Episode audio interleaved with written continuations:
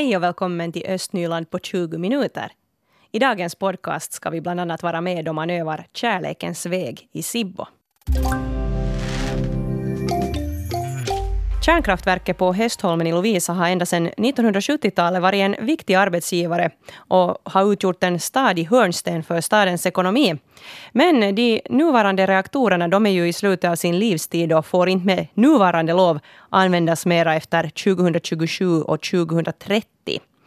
Stadsdirektör Jan D. Åkerblom i Lovisa han vädrar nu morgonluft efter riksdagsvalet för en möjlig fortsättning för kärnkraftverket efter 2030 jag tror att det länge redan har varit på det sättet medvind att eh, vi ser med klimatförändringen och alla de diskussioner som förs kring koldioxidutsläpp att vi måste ha alla andra alternativ på bordet. Vi kan inte och vi har inte råd att utesluta kärnkraften och jag tycker att de gröna har svängt redan för länge sedan, redan, redan eh, när jag diskuterade med Touko Aalto för ungefär två och ett halvt år sedan så fick jag en ganska tydlig signal på att de gröna lite omvärderar situationen och har en, en tycker jag, mer konstruktiv.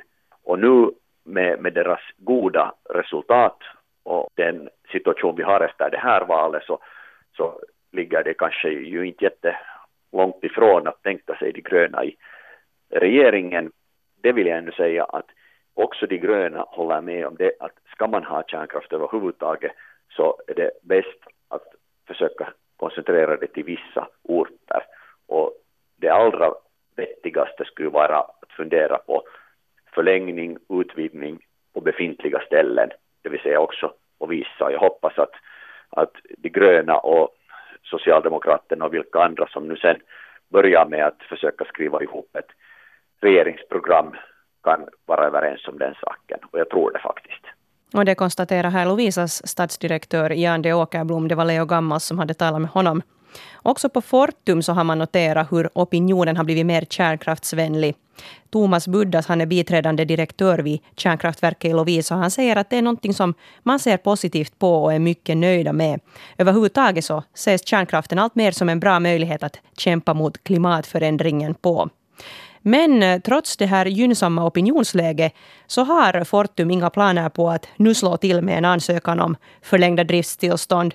För tillfället finns det alltså inga sådana beslut inom Fortum. Och Thomas Buddes han säger att det handlar om en lång process som inte går att göra i all hast och att man har gott om tid och inte kommer att skynda med tanke på gallupsiffror. Följande omfattande säkerhetsbedömning som ska göras för kärnkraftverket i Lovisa så ska Fortum lämna in till myndigheterna 2023. Och Buddhasan han säger att då vet man mer vilka krav som ställs på anläggningen i framtiden och vad ett förnyat driftstillstånd kräver. Och enligt honom så finns det inga planer alls på att eventuellt bygga nya reaktorer på Hästholmen istället för de två som nu finns där. Vi har en webbartikel här på svenska.yle.fi östnyland. Mikael Kokkola har här talat med Fortum, så ni kan också läsa den.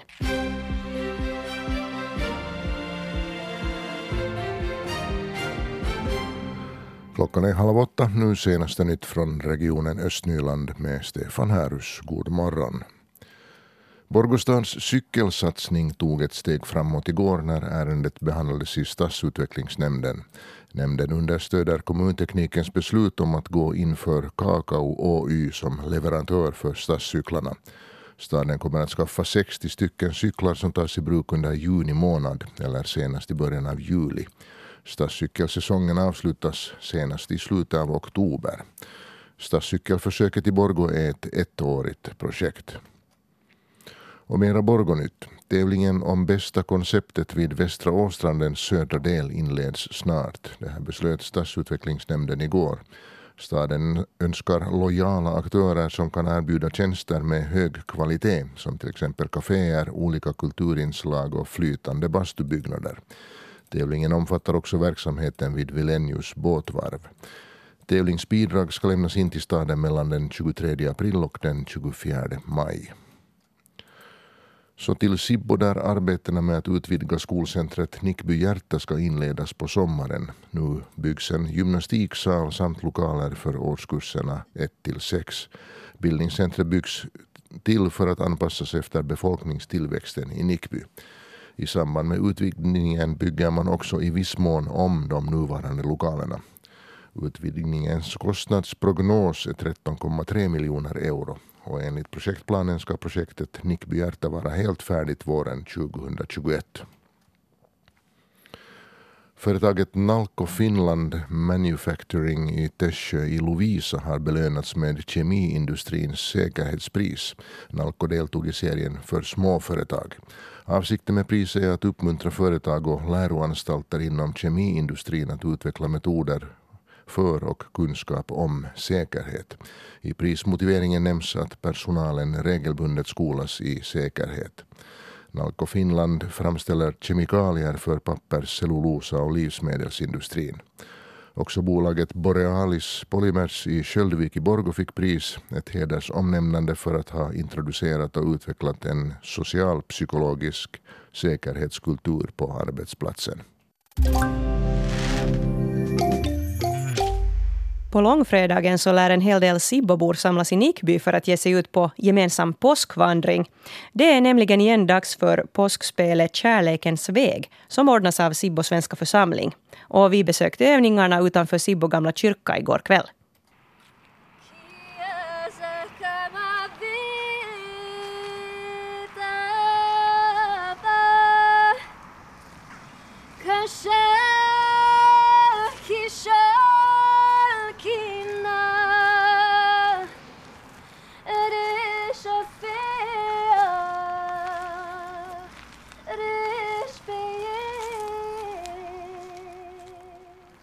Producent Patrik Putte Frisk, vad är det som Sibbaborna kan förvänta sig att få uppleva här nu på långfredagen? No, vi brukar kalla det här för en påskvandring. Och här finns eh, då tre stationer, två utescener, en uppe vid prästgården, en vid Sibbo gamla kyrka och sen den sista scenen i Sibbo kyrka då. Och det är en eh, så att säga en, en påskvandring. Vi, vi går igenom påskens tematik eh, sett ur lärjungarnas synvinkel. Vi har inte en personifierad Jesus utan det, det går igenom lärjungarnas upplevelser och det, deras känslor. Till och med grodornas kväkande gör mig nervös ikväll, det irriterar mig. Men lugna dig nu Ja, ja! Jag funderar ännu på det Jesus sa. Han har ju berättat om sin offeruppgift förut men... Men jag har inte velat ta den till mig. Men efter kvällens måltid så vet jag att jag inte längre kan tänka bort den. Det kommer faktiskt att hända. Jesus måste dö! Johanna Spelin, du spelar Petrus i år. Du var med som Petrus också de här två föregående gångerna som den här påskvandringen har, har ordnats. Finns det några ändringar i år jämfört med tidigare år? Uh, det, vi skulle kalla det att det har utvecklats. Man utvecklar den här, den här historien och, och, och för att ge en större upplevelse åt, åt de som kommer att titta. Okej, Spännande. Vad, vad går den här större upplevelsen ut på? Går det att avslöja något mera? Ja, no, det är ju svårt att säga. Vad, jag menar, det är så individuellt vad, vad folk uh, har för upplevelse eller vad, får, vad de får för upplevelse. Men jag hoppas att det på så många olika plan ska, ska liksom beröra eller till och med som underhållning eller som ja, bara tankeställare också för folk. För uh, jag skulle understryka ordet gemenskap och gemenskapen här bland oss som gör den här är ganska, ganska stark och, och bra och det är ju någonting som man i dagens samhälle borde tänka på mer också, gemenskap. Jag har varit ordnad upp efter påskmåltiden. Det har hänt någonting alldeles speciellt under den. Jag hörde det också. Tror du att det har någonting att göra med det Jesus berättade om för oss tidigare? Jag tror det. Om hans prövningar och, och den uppgift som ligger framför honom? Ja, jag tror det. Uh, vad som än händer nu så är jag glad att vi har kunnat dela vandringen tillsammans. Du och jag och lärjungarna och Jesus. Vi satsar allra mest på den tredje scenen, den som vi har då i Sibbo kyrka, där har vi allra mest teknik, där har vi mest eh, musik, man kan kalla det för en minimusikal nästan som vi har där. Och så jag skulle säga att en, en väldigt så här mångsidig påskvandring med många olika inslag och effekter och, och en, en, en, en liksom bred skala av känslor. Och så beskrev producent Patrik Putte Frisk den här påskvandringen Kärlekens väg som Sibbo Svenska församling ordnar på långfredagen. Och vi hörde också Johan Aspelin som spelar lärjungen Petrus. Och inslaget inleddes av att Paulina Biström sjöng på hebreiska i rollen som Johanna. Och de andra som vi hörde var Alexandra Gustafsson som Maria från Magdala och Christer Romberg som Johannes. Och det var Mira Bäck som var reporter här. Den här vandringen den startar klockan 19 vid prästgården på fredag. Och den som inte själv orkar gå hela vägen mellan de olika scenerna kan få skjuts av Nikby kyrkoby FBK. Och man kan läsa mer om det här påskspelet Kärlekens väg i Sibbo på vår webbplats på svenska.yle.fi östnyland. Nu ska det handla om storken. Vi berättade ju här i början av det här året att det finns entusiaster här i Östnyland som försöker locka storken hit till regionen för att häcka i några konstgjorda bon. Det är Borgånedens fågelförening i samarbete med Borgå elnät som har fixat de här bona. Och de finns i Sannäs, och i Pirlax och i Strömsberg och vid Labby gård.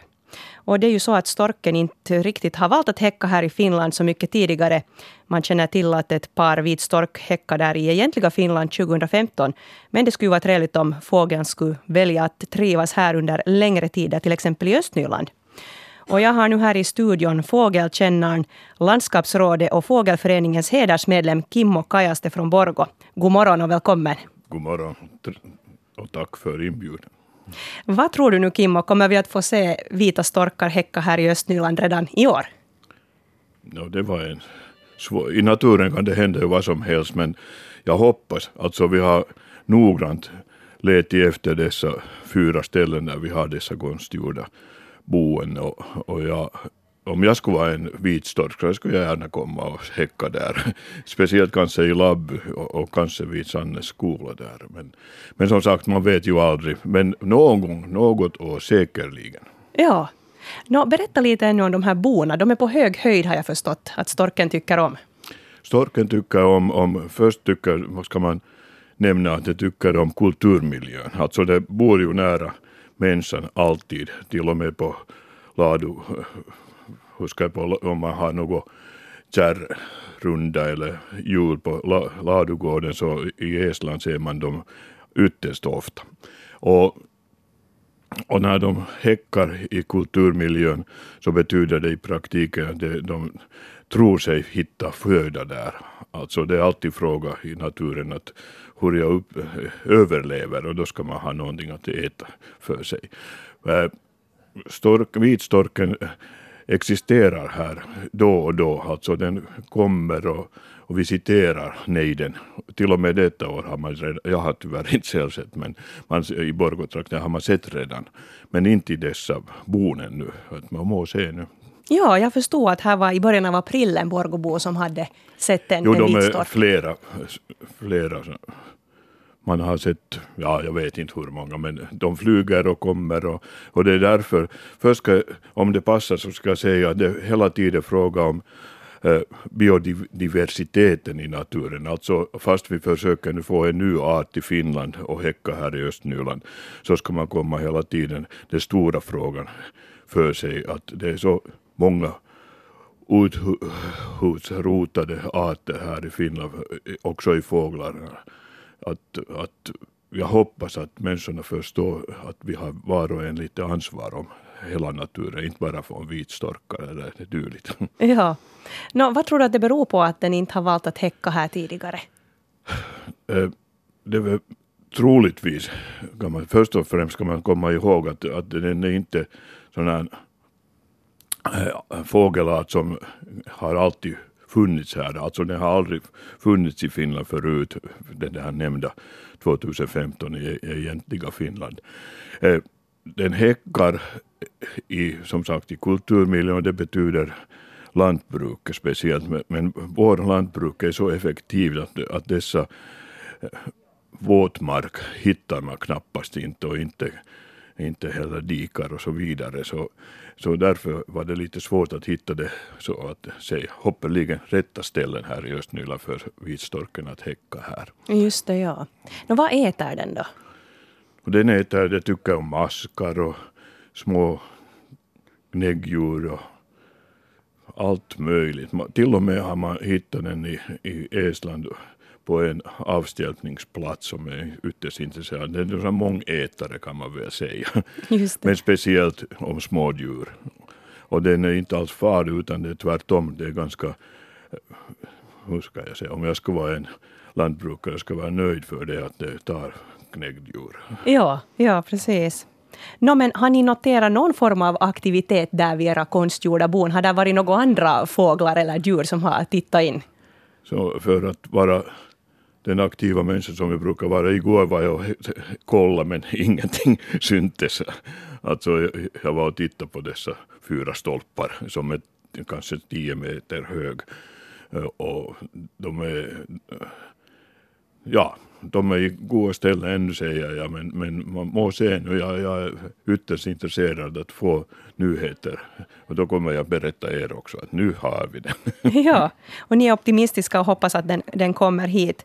Hur fortsätter ert projekt nu här med, med de här bona? som jag tar, jag var ursäkta, jag var initiativtagare för Fågelföreningen och så gick vi tillsammans med Juha Tuomala igenom och så fick vi Borgå enhet med i bilden och det var trevligt och bra.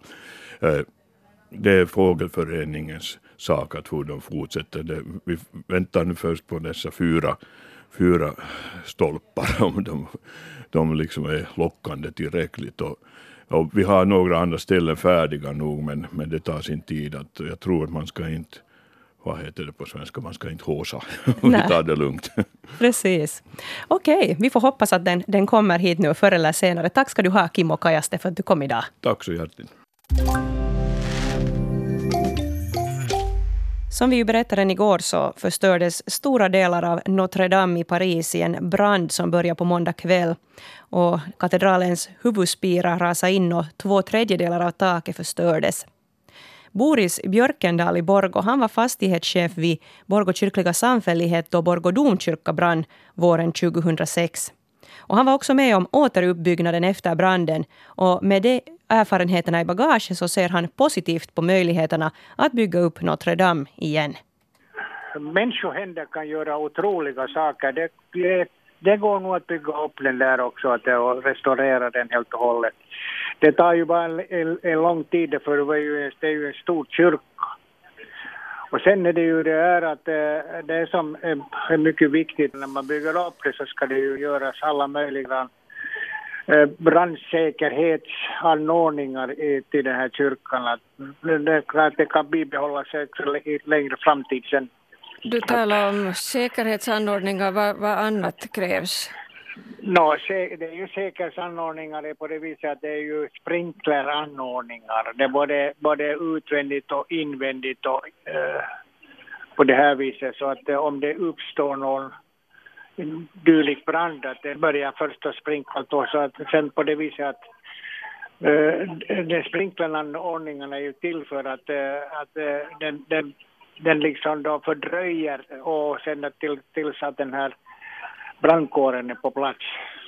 Vi har ju här i Borgå, Borgå domkyrkan är på det viset, den har ju allt de här, de här anordningarna som vi nu talar om. Vi har sprinkler på utsidan, vi har sprinkler på insidan. Vi har också och det suger åt sig om det uppstår någon rök bara inomhus så ger det alarm och det här går alarmet går direkt sen till brandkåren att eh, det är nog mycket viktigt det här att eh, säkert. Det var, var lite förvånande att det inte fanns eh, dylika anordningar där direkt i Notre kyrkan. Men, men kan hända att det fanns, jag kan inte säga, men jag, jag misstänker. Och sen är det ju alltid det här att alla utrymmen och rörelser ska ju med brandfilter och brandull och, och allt det här liksom då säkerställa att det inte uppstår något sånt här. Och det konstaterar här Boris Björkendal, intervjuad av Stina Sirén. Östnyland på 20 minuter är en Svenska Yle-podcast. Det finns flera poddar på arenan. Jag heter Katarina Lind. Tack så mycket för sällskapet. Vi hörs!